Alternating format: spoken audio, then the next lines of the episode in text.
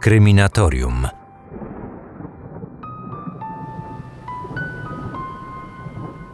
Alcatraz. Piekło za kratami. Skała. Najgorsze miejsce Ameryki. Federalne więzienie o zaostrzonym rygorze, ulokowane na skalistej wyspie w zatoce San Francisco, miało wiele nazw. I każda z nich budziła prawdziwą trwogę nawet wśród największych kryminalistów. To właśnie tam przetrzymywano najgroźniejszych więźniów. Głównie tych, którzy w innych zakładach karnych nie chcieli dostosowywać się do przyjętego regulaminu. Trafiali tam przestępcy, którzy w innych więzieniach sprawiali strażnikom najwięcej kłopotów. Alcatraz miało być dla nich ostatnim przystankiem. Właśnie dlatego powstało. Drugą grupę osadzonych stanowili ci, którzy z innych więzień bez trudu uciekali. Alcatraz miało opinię miejsca, z którego nie można wyjść samemu. Nowo przybyłym lokatorom już na samym początku naczelnik placówki nie pozostawiał żadnych złudzeń. Jeśli chcecie się stąd wydostać, możecie to uczynić tylko na dwa sposoby. Odsiedzieć grzecznie swój wyrok i zostać z niego zwolnionym, albo kombinować i opuścić wyspę w plastikowym worku. Stąd jeszcze nikt nie uciekł i nigdy nie ucieknie. Mowa naczelnika robiła wrażenie na większości osadzonych, którzy zanim jeszcze trafili na skałę, dobrze znali reputację tego przeklętego miejsca. W ciągu blisko 30 lat funkcjonowania więzienia oficjalnie nikomu nie udało się z niego uciec. Nie oznacza to jednak, że tego nie próbowano. Według amerykańskiego Departamentu Sprawiedliwości w Alcatraz doszło do 14 takich prób. Z 36 więźniów, którzy samowolnie postanowili skrócić sobie wyrok, schwytano 23. Sześciu zastrzelono, dwóch utonęło w lodowatych wodach zatoki. Pięciu więźniów nigdy nie odnaleziono, ale władze uznały ich za osoby zaginione, które przypuszczalnie utonęły. Wśród tej ostatniej kategorii znalazło się trzech więźniów, których ucieczka przeszła do legendy. Wiele tropów, sprzeczne ze sobą relacje oraz ogromna liczba teorii. To wszystko sprawiło, że wyczyn Franka Morrisa oraz dwóch braci, Johna i Clarence'a Englinów, do dziś pozostaje jedną z największych amerykańskich zagadek XX wieku. Czy utonęli podczas próby ucieczki, a ich ciała zostały zniesione przez wody zatoki na otwarty ocean? A może udało im się opuścić wyspę, bezpiecznie wydostać z kraju i dożyć późnej starości?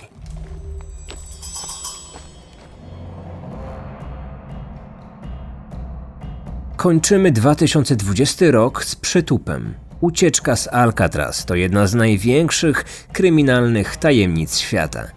Mnóstwo filmów, publikacji, artykułów powstało już na ten temat, czas więc na podjęcie tego tematu przez Kreminatorium.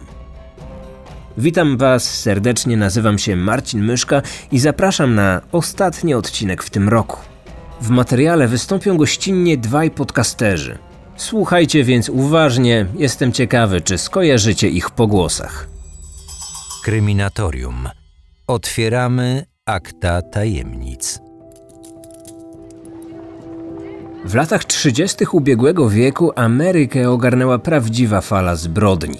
Fakt ten wynikał nie tylko z wielkiego kryzysu ekonomicznego, ale i wprowadzonej prohibicji, czyli zakazu produkcji i sprzedaży alkoholu na terenie całego kraju. Właśnie wtedy w Stanach Zjednoczonych zaczęła się kształtować zorganizowana przestępczość, a mafie przejmowały kontrolę nad wytwarzaniem i nielegalnym handlem zakazanymi trunkami. Napady na banki, hazard, porwania, kradzieże i zabójstwa stały się powszechne w pogrążonym w kryzysie kraju. To skutkowało coraz większą liczbą przestępców, a później więźniów. Amerykański system więziennictwa nie był na to przygotowany. Więzienia zaczęły pękać w szwach, a nowych osadzonych wciąż przybywało. Coraz więcej skazańców przypadało na jednego strażnika. Upilnowanie tych najgroźniejszych kryminalistów stało się poważnym problemem. Seria udanych ucieczek z początku lat 30. dała początek idei stworzenia więzienia idealnego, które sam dyrektor FBI nazywał ucieczko odpornym. FBI prowadzi i będzie prowadzić nieustającą wojnę z przestępczością i przestępcami. Amerykańską odpowiedzią na rozrastającą się falę ucieczek z więzień będzie diabelska wyspa, na którą wkrótce trafią najgroźniejsi bandyci. W roku 1933 Departament Sprawiedliwości przejął dawną bazę wojskową ulokowaną na wyspie Alcatraz pośrodku zatoki San Francisco. Aby dostać się z niej do najbliższego lądu, trzeba było przepłynąć dwa kilometry w lodowatej wodzie, pokonując potężne morskie prądy, z łatwością wynoszące każdego śmiałka na otwarty ocean. Średnia temperatura wody waha się tam od 11 do 16 stopni Celsjusza. W takich warunkach bardzo szybko pojawia się hipotermia. Co gorsza, w połączeniu z ciepłym powietrzem zimna woda tworzy gęstą mgłę. Orientacja w niej staje się praktycznie niemożliwa. Uciekinier nie może sobie wyobrazić gorszego scenariusza. Rok później na skałę, jak wkrótce zaczęto nazywać skalistą wyspę, przybył pierwszy więzień. W następnych latach dołączyło do niego wiele legend z gangsterskiego półświadka, z których najsłynniejszym był bez wątpienia Al Capone, chicagowski król gangsterów. Spędził w Alcatraz 5 lat. Surowe i monotonne warunki życia miały skutecznie dyscyplinować zatwardziałych kryminalistów. Pojedyncze cele, brak kontaktu z innymi osadzonymi przez większą część dnia, zakaz rozmów, jedno krótkie widzenie w miesiącu oraz praca, która była przywilejem, a nie obowiązkiem. To oznaczało ciągłą nudę, która osadzonych często doprowadzała do skrajnego szaleństwa. James Whitey Bulger, jeden z najgroźniejszych osadzonych tam gangsterów, pisał w listach do swojej rodziny. Nie mogę już znieść tej rutyny. Ciągle widzę te same twarze. Wszyscy robią to samo, myślą i czują to samo. Najgorsze więzienie, w jakim byłem. Z wyspy widzę miasto. Jest tak blisko, a jednocześnie tak daleko. Wszyscy czują się tu odcięci od świata. Tak jakbyśmy przebywali na ciemnej stronie księżyca. W żadnym innym ówczesnym więzieniu osadzeni nie byli tak drobiazgowo pilnowani. Na jednego strażnika przypadało zaledwie trzech skazańców, o czym w swojej książce wspominała pisarka Jolene Babiak. Autorka swoją wiedzę czerpała z pierwszej ręki, ponieważ w czasie legendarnej ucieczki przebywała na Alcatraz. Jej ojciec był więziennym strażnikiem, mieszkającym na wyspie z całą swoją rodziną, w budynku przeznaczonym dla personelu. 52 strażników pilnowało 150 osadzonych. Więźniowie byli obserwowani bez przerwy na każdym z czterech bloków. Mój ojciec liczył ich 12 razy dziennie. Żadnych udogodnień, żadnych przyjemności. To, co w innych więzieniach było normą, u nas stawało się przywilejem. Farby do malowania, instrumenty muzyczne, papier do pisania. Nawet żeby przeczytać książkę lub czasopismo, musieli sobie na to zasłużyć. Ale i tak największą dla nich karą był widok na miasto za zatoką. Widzieli, co stracili. O ucieczce ze skały marzyli chyba wszyscy więźniowie, jednak tylko niewielu decydowało się na ten desperacki krok. Wydostanie się z więzienia było najłatwiejszym etapem i nie oznaczało jeszcze wolności. Największą trudność stanowiło opuszczenie wyspy. U tych śmiałków, których nie odstraszały zimne i zdradliwe wody zatoki, znacznie większy strach wzbudziły plotki rozsiewane przez strażników o tym, że okolice wyspy pełne są rekinów ludojadów, tylko czekających na nową porcję świeżego, więziennego mięsa. Z mitem ucieczko-odpornej twierdzy postanowili zmierzyć się trzej więźniowie, którzy nie należeli do tych najgroźniejszych. Byli jedynie zwykłymi złodziejami, a jeśli już dopuszczali się napadów z bronią w ręku, to nigdy nikogo nawet nie zranili. Do Alcatraz trafiali nie dlatego, że strażnicy w innych więzieniach się ich bali. Zesłano ich tam, ponieważ żadne inne więzienne mury nie mogły ich zatrzymać. Frank Lee Morris oraz bracia Johnny Clarence Englin byli mistrzami ucieczek. Naczelnik więzienia każdego z nich powitał podobną przemową. Witamy w Alcatraz. Znam twoją reputację i wiem, do czego jesteś zdolny. Ale zapewniam cię, że stąd nie ma ucieczki. Jeszcze nikomu się to nie udało. I lepiej szybko przyzwyczajaj się do tej myśli, bo ta przeklęta wyspa będzie twoim ostatnim domem. Wszyscy trzej byli jednak zupełnie odmiennego zdania i postanowili to udowodnić. Najwcześniej z nich w styczniu 1960 roku do Alcatraz przybył 34-letni Frank Morris. Porzucony przez matkę i osierocony przez ojca, większą część dzieciństwa spędził w rodzinach zastępczych. Pierwszy raz został aresztowany w wieku 13 lat i od tego momentu z więzień wychodził dość często, ale tylko wtedy, gdy z nich uciekał. Miał sporo na koncie: narkotyki, włamania, niedotrzymanie zasad warunkowego zwolnienia, kradzieże i napady z bronią w ręku. Nie był najgroźniejszym przestępcą, ale na pewno jednym z najsprytniejszych.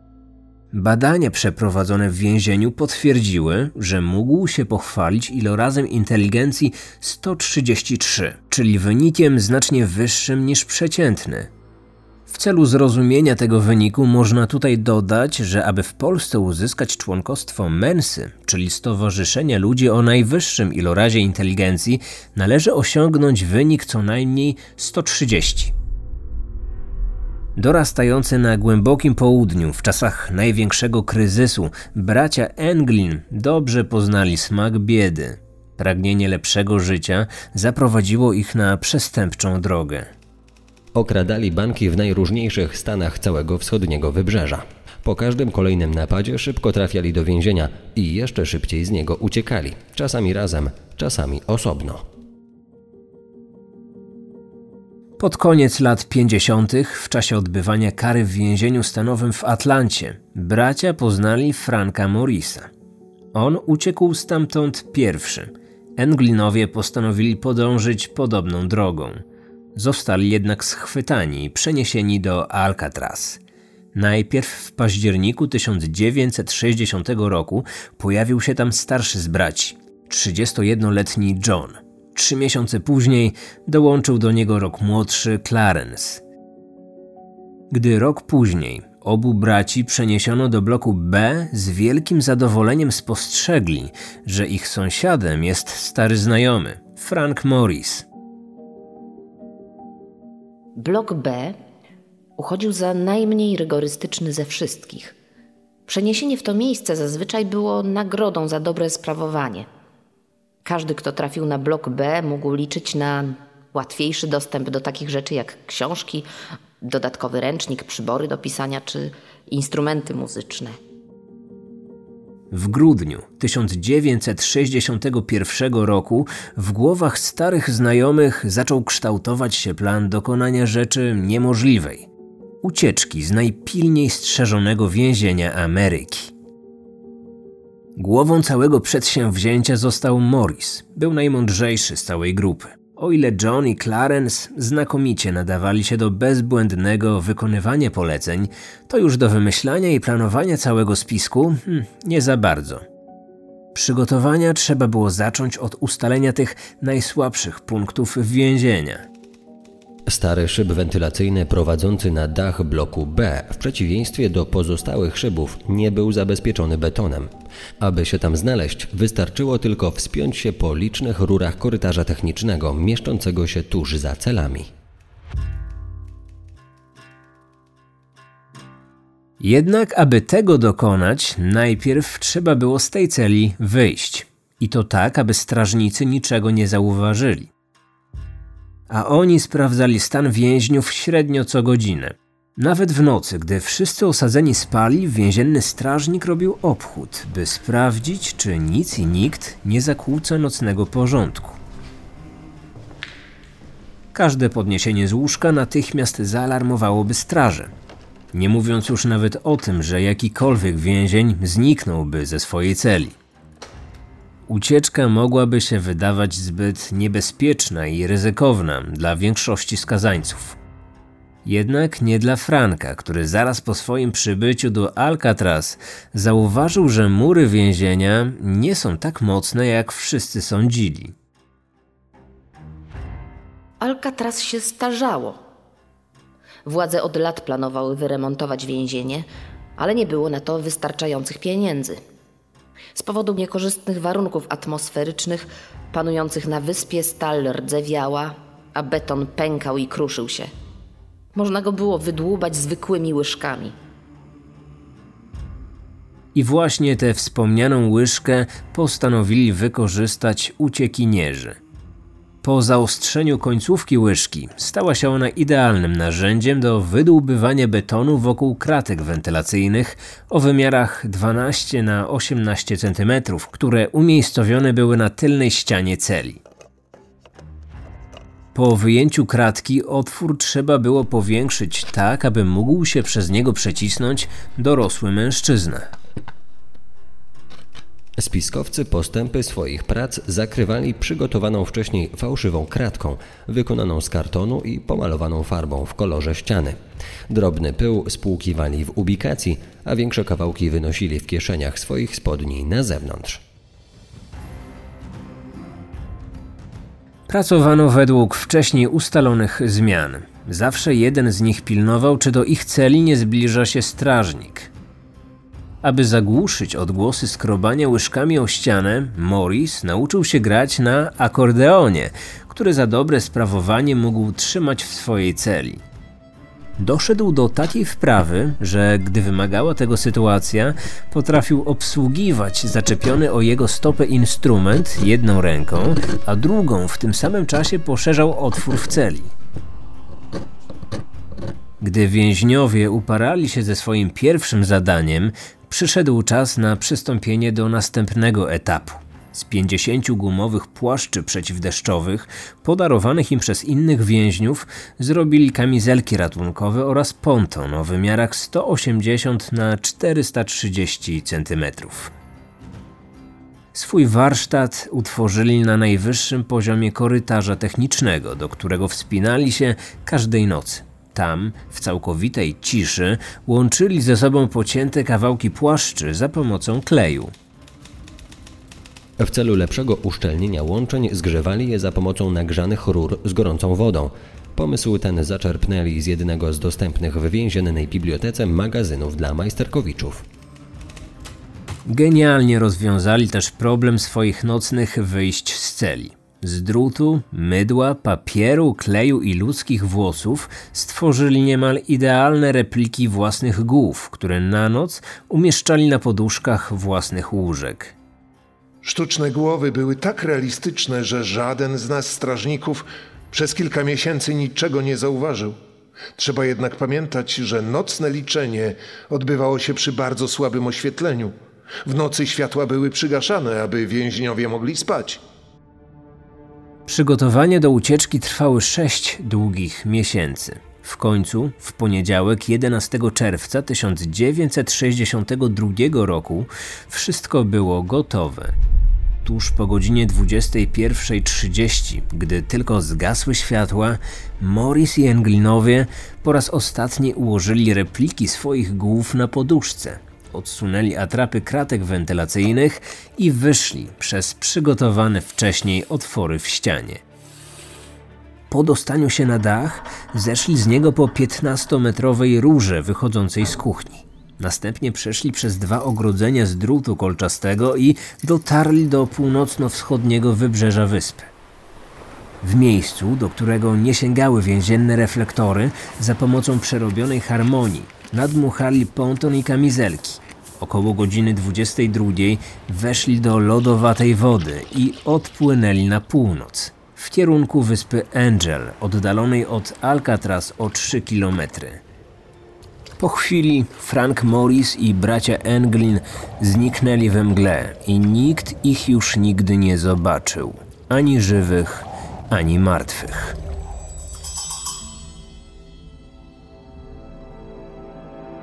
Warto w tym miejscu zaznaczyć, że był jeszcze czwarty spiskowiec uciekinier. Allen West od początku brał udział w przygotowaniach. Dzień po ucieczce miejscowe gazety napisały – Przeszukania cel ujawniły, że w ścianie czwartego więźnia również znajduje się poszerzony otwór wentylacyjny i przygotowana sztuczna głowa. Osadzony przyznał, że planował ucieczkę z pozostałymi zbiegami. Na pytanie dlaczego w ostatniej chwili zmienił zdanie i pozostał w swojej celi, odpowiedział jedynie, że się rozmyślił i że nie chce opuszczać tego miejsca. Nie była to jednak prawda. West w noc ucieczki miał wyjątkowego pecha. Dzień wcześniej zauważył, że duży kawałek ściany nad jego dziurą wykruszył się, stając się przez to bardzo widoczny dla strażnika. Aby to zamaskować, przykleił ten kawałek klejem zmieszanym z betonowym pyłem. Całość podparł żelazną kratką. Nie przewidział tego, że klej przytwierdzi się zbyt mocno. O wyznaczonej porze West nie był w stanie wyjąć kratki. Zanim ponownie wykruszył beton i przeszedł przez otwór na korytarz techniczny, pozostali uciekinierzy byli już na dachu. Mieli mało czasu i nie mogli czekać na spóźnionego współtowarzysza. Gdy on sam pojawił się w końcu na zewnątrz, po Morisie i braciach nie było już śladu. West wrócił więc do swojej celi i załamany grzecznie zasnął. Gdy o godzinie 7.15 Przeprowadzałem rutynowe pierwsze liczenie. Wszyscy więźniowie stali już przed swoimi celami. Tylko trzech z nich wciąż spało. Tak mi się wtedy wydawało. Podszedłem do jednego z nich, aby go obudzić. Klepnąłem go w ucho i nagle jego głowa poturlała się na krawędź łóżka, a potem spadła na podłogę. Byłem przerażony. W pierwszej chwili pomyślałem, że ktoś w nocy odciął więźniowi głowę i tak właśnie zacząłem krzyczeć, że ktoś go zamordował. Szybko okazało się, że do żadnych morderstw nie doszło, a głowy są sztuczne. Wszczęto alarm, który bardzo dobrze zapamiętała córka strażnika. Gdy zawyły syreny alarmowe, jeszcze spałam. Wystraszona wyszłam na schody, a moja mama powiedziała, żebym się ubrała, bo ktoś uciekł. Zapytałam wtedy, czy oni nadal są na wyspie. Ona roześmiała się tylko i stwierdziła, że na pewno zwiali już w nocy i nigdy ich nie znajdą. Miała rację. Nigdy ich nie znaleźli. Miejscowe dzienniki z uwagą śledziły wydarzenia tamtego poranka. Trwają poszukiwania trzech zaginionych skazańców. Do więzienia ściągnięto wszystkich strażników w liczbie 155. Każda grupa poszukiwawcza otrzymała szczegółową mapę wyznaczonego obszaru, który mają przeszukać. FBI zapewnia, że każdy cal wyspy zostanie zbadany łącznie ze starymi lochami wykutymi w skale i znajdującymi się pod budynkiem obecnego więzienia. Przez następne dni znaleziono kilka śladów, ale żaden nie dawał odpowiedzi na pytanie, gdzie są więźniowie i czy w ogóle przeżyli ucieczkę. Jedno wiosło dryfowało 180 metrów od brzegu wyspy Angel. Blisko mostu Golden Gate wyłowiono strzępy gumowego materiału, mogącego pochodzić z pontonu. Kilkadziesiąt metrów od Alcatraz pływała jedna kamizelka ratunkowa. Odnaleziono też owinięty w folię portfel należący do jednego z braci Englin, zawierający prywatne zdjęcia oraz adresy ich krewnych. Jednak nigdzie nie było śladu po uciekinierach. FBI szybko uznało, że mężczyźni po prostu utonęli w wodach Zatoki San Francisco. Wszystko wskazuje na to, że więźniowie nie przeżyli. Według wszelkiego prawdopodobieństwa wpadli do lodowatej wody, po czym doznali hipotermii i utonęli. Ich ciała zostały wyniesione na otwarty ocean. Nie odnaleziono żadnych śladów mogących potwierdzić, że dopłynęli do brzegu. Dopóki nie zostaną przedstawione nowe, niepodważalne dowody, że było inaczej, uznajemy ich za osoby zmarłe. Pozostali osadzeni w Alcatraz byli pewni, że ucieczka zakończyła się pełnym sukcesem. O czym w swoim liście do rodziny napisał gangster James Whitey Bulger. Pamiętam, jakby to było wczoraj. Tego ranka, kiedy odkryto ich ucieczkę, byłem przeszczęśliwy. Kiedy strażnicy wszczęli alarm, wszyscy więźniowie wiwatowali. Naczelnik mówił nam, że oni na pewno utonęli, ale my wiedzieliśmy swoje. Nikt nie uwierzył w ich śmierć. Śledztwo FBI trwało 17 lat. W końcu 31 grudnia 1979 roku zostało oficjalnie zamknięte. Decyzja o zamknięciu śledztwa FBI tłumaczyło tym, że śmierć uciekinierów była bardziej niż pewna. Przez 17 lat nie pojawiły się żadne wiarygodne dowody sugerujące, że poszukiwani mężczyźni wciąż żyją. Ekspertyzy wykazały, że żaden z nich nie był w stanie przepłynąć wód zatoki w panujących tam warunkach. Nic nie wskazuje na jakąkolwiek pomoc udzieloną zbiegom przez osoby trzecie, a zwłaszcza przez członków ich rodzin. Według naszego informatora zbiegowie planowali na lądzie kradzież samochodu i cywilnych ubrań, a takie kradzieże później nie nastąpiły. Oficjalny raport FBI mijał się jednak z prawdą. Jeden z dokumentów wyraźnie zaznaczał, że dzień po ucieczce na wyspie Angel doszło do kradzieży niebieskiego Chevroleta z roku 55. Tego samego dnia wspomniany samochód został zauważony w hrabstwie Merin, kiedy staranował z drogi inne auto. Żona poszkodowanego kierowcy, przesłuchiwana później przez agentów, zeznała, Jechaliśmy wąską drogą i nagle za zakrętu wyjechało prosto na nas niebieskie auto. Jechało bardzo szybko, zepchnęło nas z drogi i popędziło dalej. Zdążyłam tylko zauważyć, że w jego środku siedziało trzech mężczyzn ubranych tak samo w błękitne bluzy, przypominające te, w jakich chodzą więźniowie. Czy trzej mężczyźni jadący kradzionym autem, ubrani w koszule przypominające więzienne, byli zbiegami z Alcatraz? FBI twierdziło, że do kradzieży auta nie doszło, jednak wcześniej agenci federalni sporządzili raport mówiący właśnie o takim przypadku. Czy podobnie było ze stwierdzeniem, że nie odnotowano kradzieży ubrań? Informacje o niebieskim Chevrolecie o numerze rejestracyjnym San Francisco pojawiły się w kilku kolejnych stanach. Według raportów sporządzonych przez FBI, ten sam kradziony samochód poruszał się na wschód, by w końcu zniknąć w rodzinnych stronach braci Englin. I nie były to jedyne doniesienia. Dziennikarz śledczy Michael Esslinger uważa, że FBI dobrze wiedziało, że uciekinierzy żyją. Informacje o ich śmierci podano z dwóch powodów. Po pierwsze, starano się uratować nadszarpniętą opinię o Alcatraz jako o więzieniu, z którego nie można uciec, aby w ten sposób nie zachęcać innych osadzonych do kolejnych prób. Po drugie, Przekazując informacje o ich śmierci, starano się zmniejszyć czujność zbiegów i tym samym wywabić ich z potencjalnych kryjówek. FBI od początku wiedziało, że im się udało, ale z powodu wielu zewnętrznych nacisków zmuszeni zostali do prowadzenia tej dziwnej gry i udawania, że są tak bardzo nieudolni w swoim śledztwie.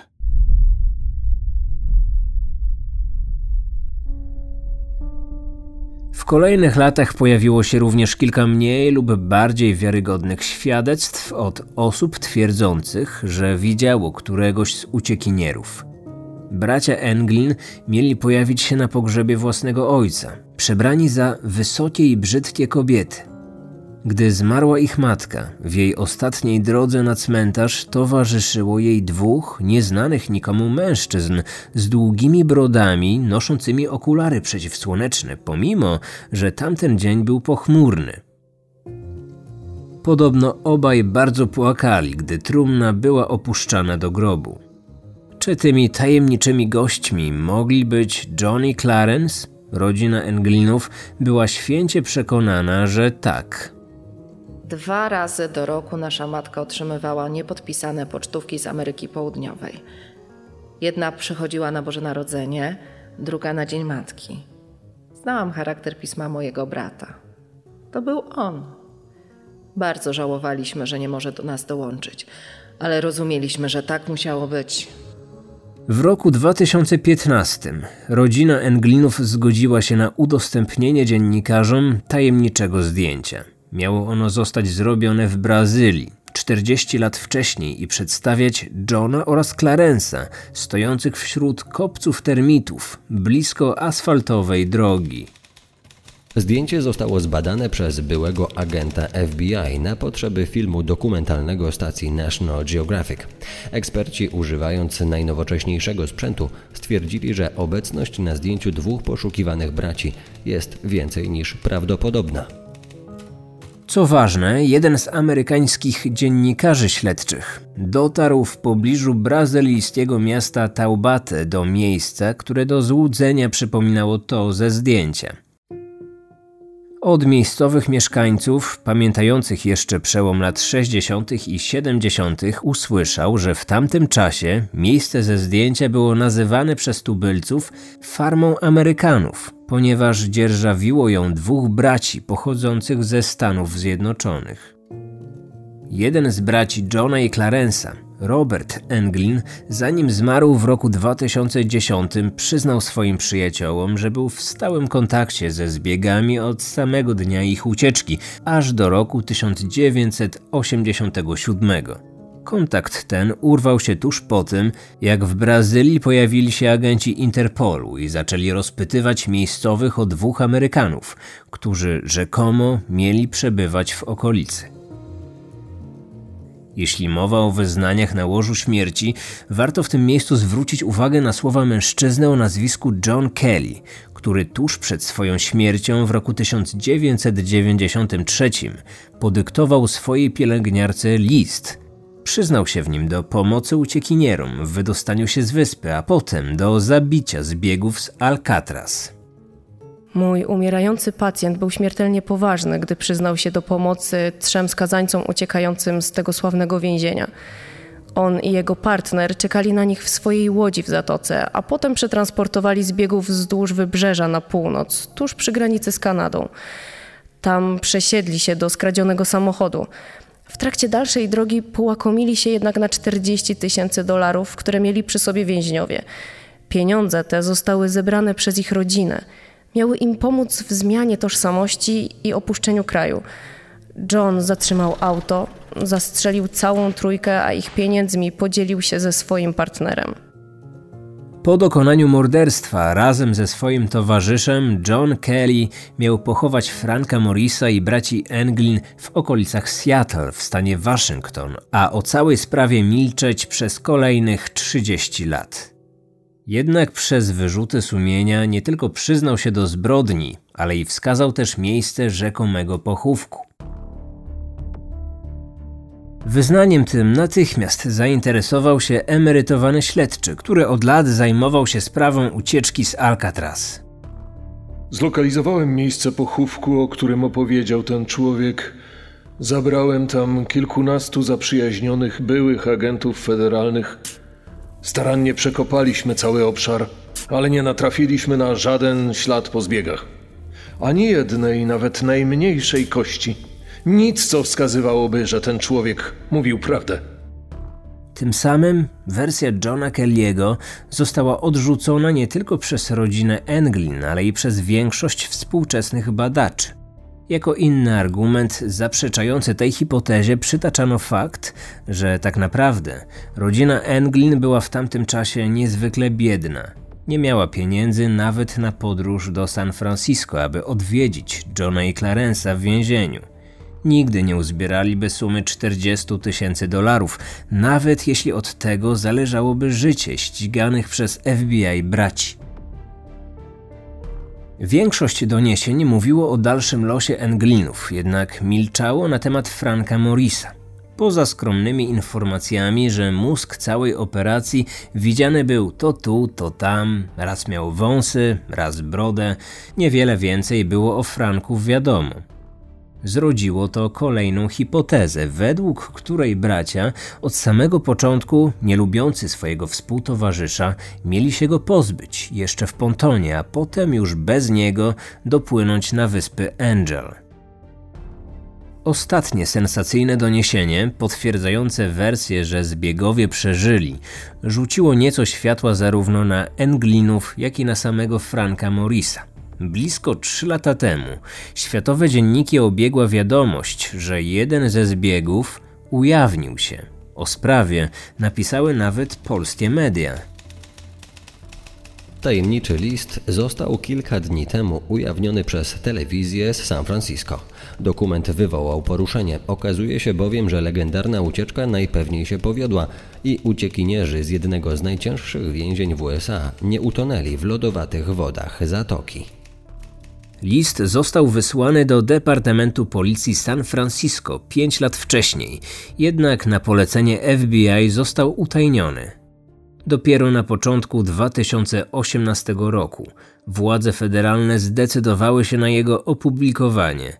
Kto był autorem listu i jakie informacje zawierał? Aby się o tym przekonać, oddajmy głos jego nadawcy. Uciekłem z Alcatraz w czerwcu 1962 roku z moim bratem i Frankiem.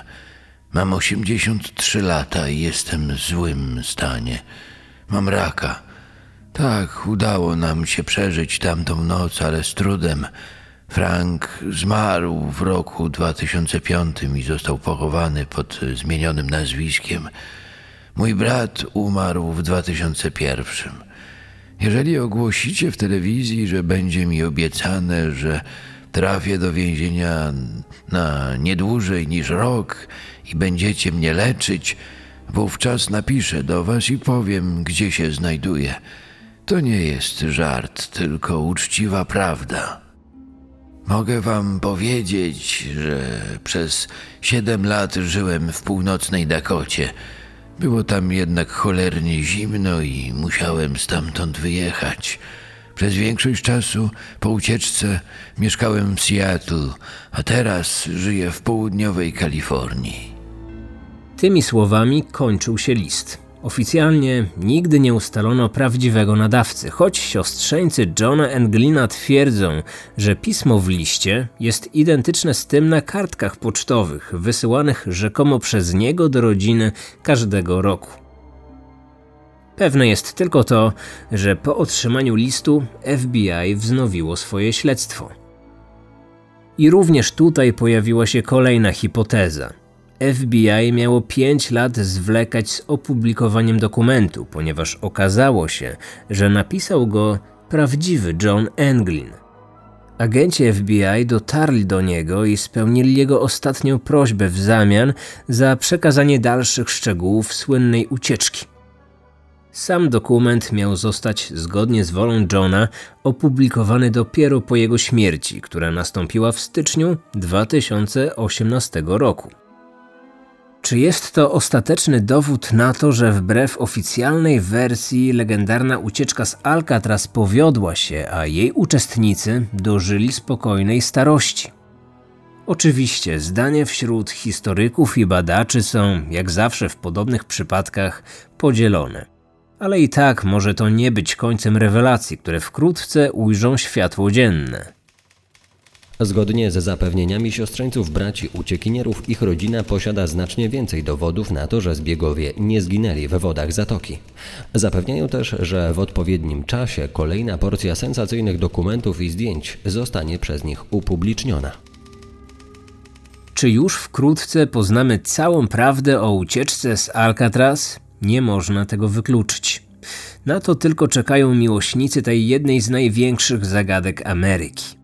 Sceptycy studzą jednak zapały. Twierdzą wprost, że gdyby rodzina miała jakiekolwiek sensacyjne informacje, to już dawno jej członkowie zostaliby aresztowani za ukrywanie zbiegów, co w Stanach jest poważnym przestępstwem. Należy pamiętać, że śledztwo w sprawie ucieczki z Alcatraz oficjalnie wciąż trwa i zgodnie z amerykańskim prawem zostanie ono definitywnie zamknięte dopiero wtedy, gdy najmłodszy z poszukiwanych zbiegów ukończy 99 lat. Będzie to miało miejsce w dniu 11 maja 2030 roku.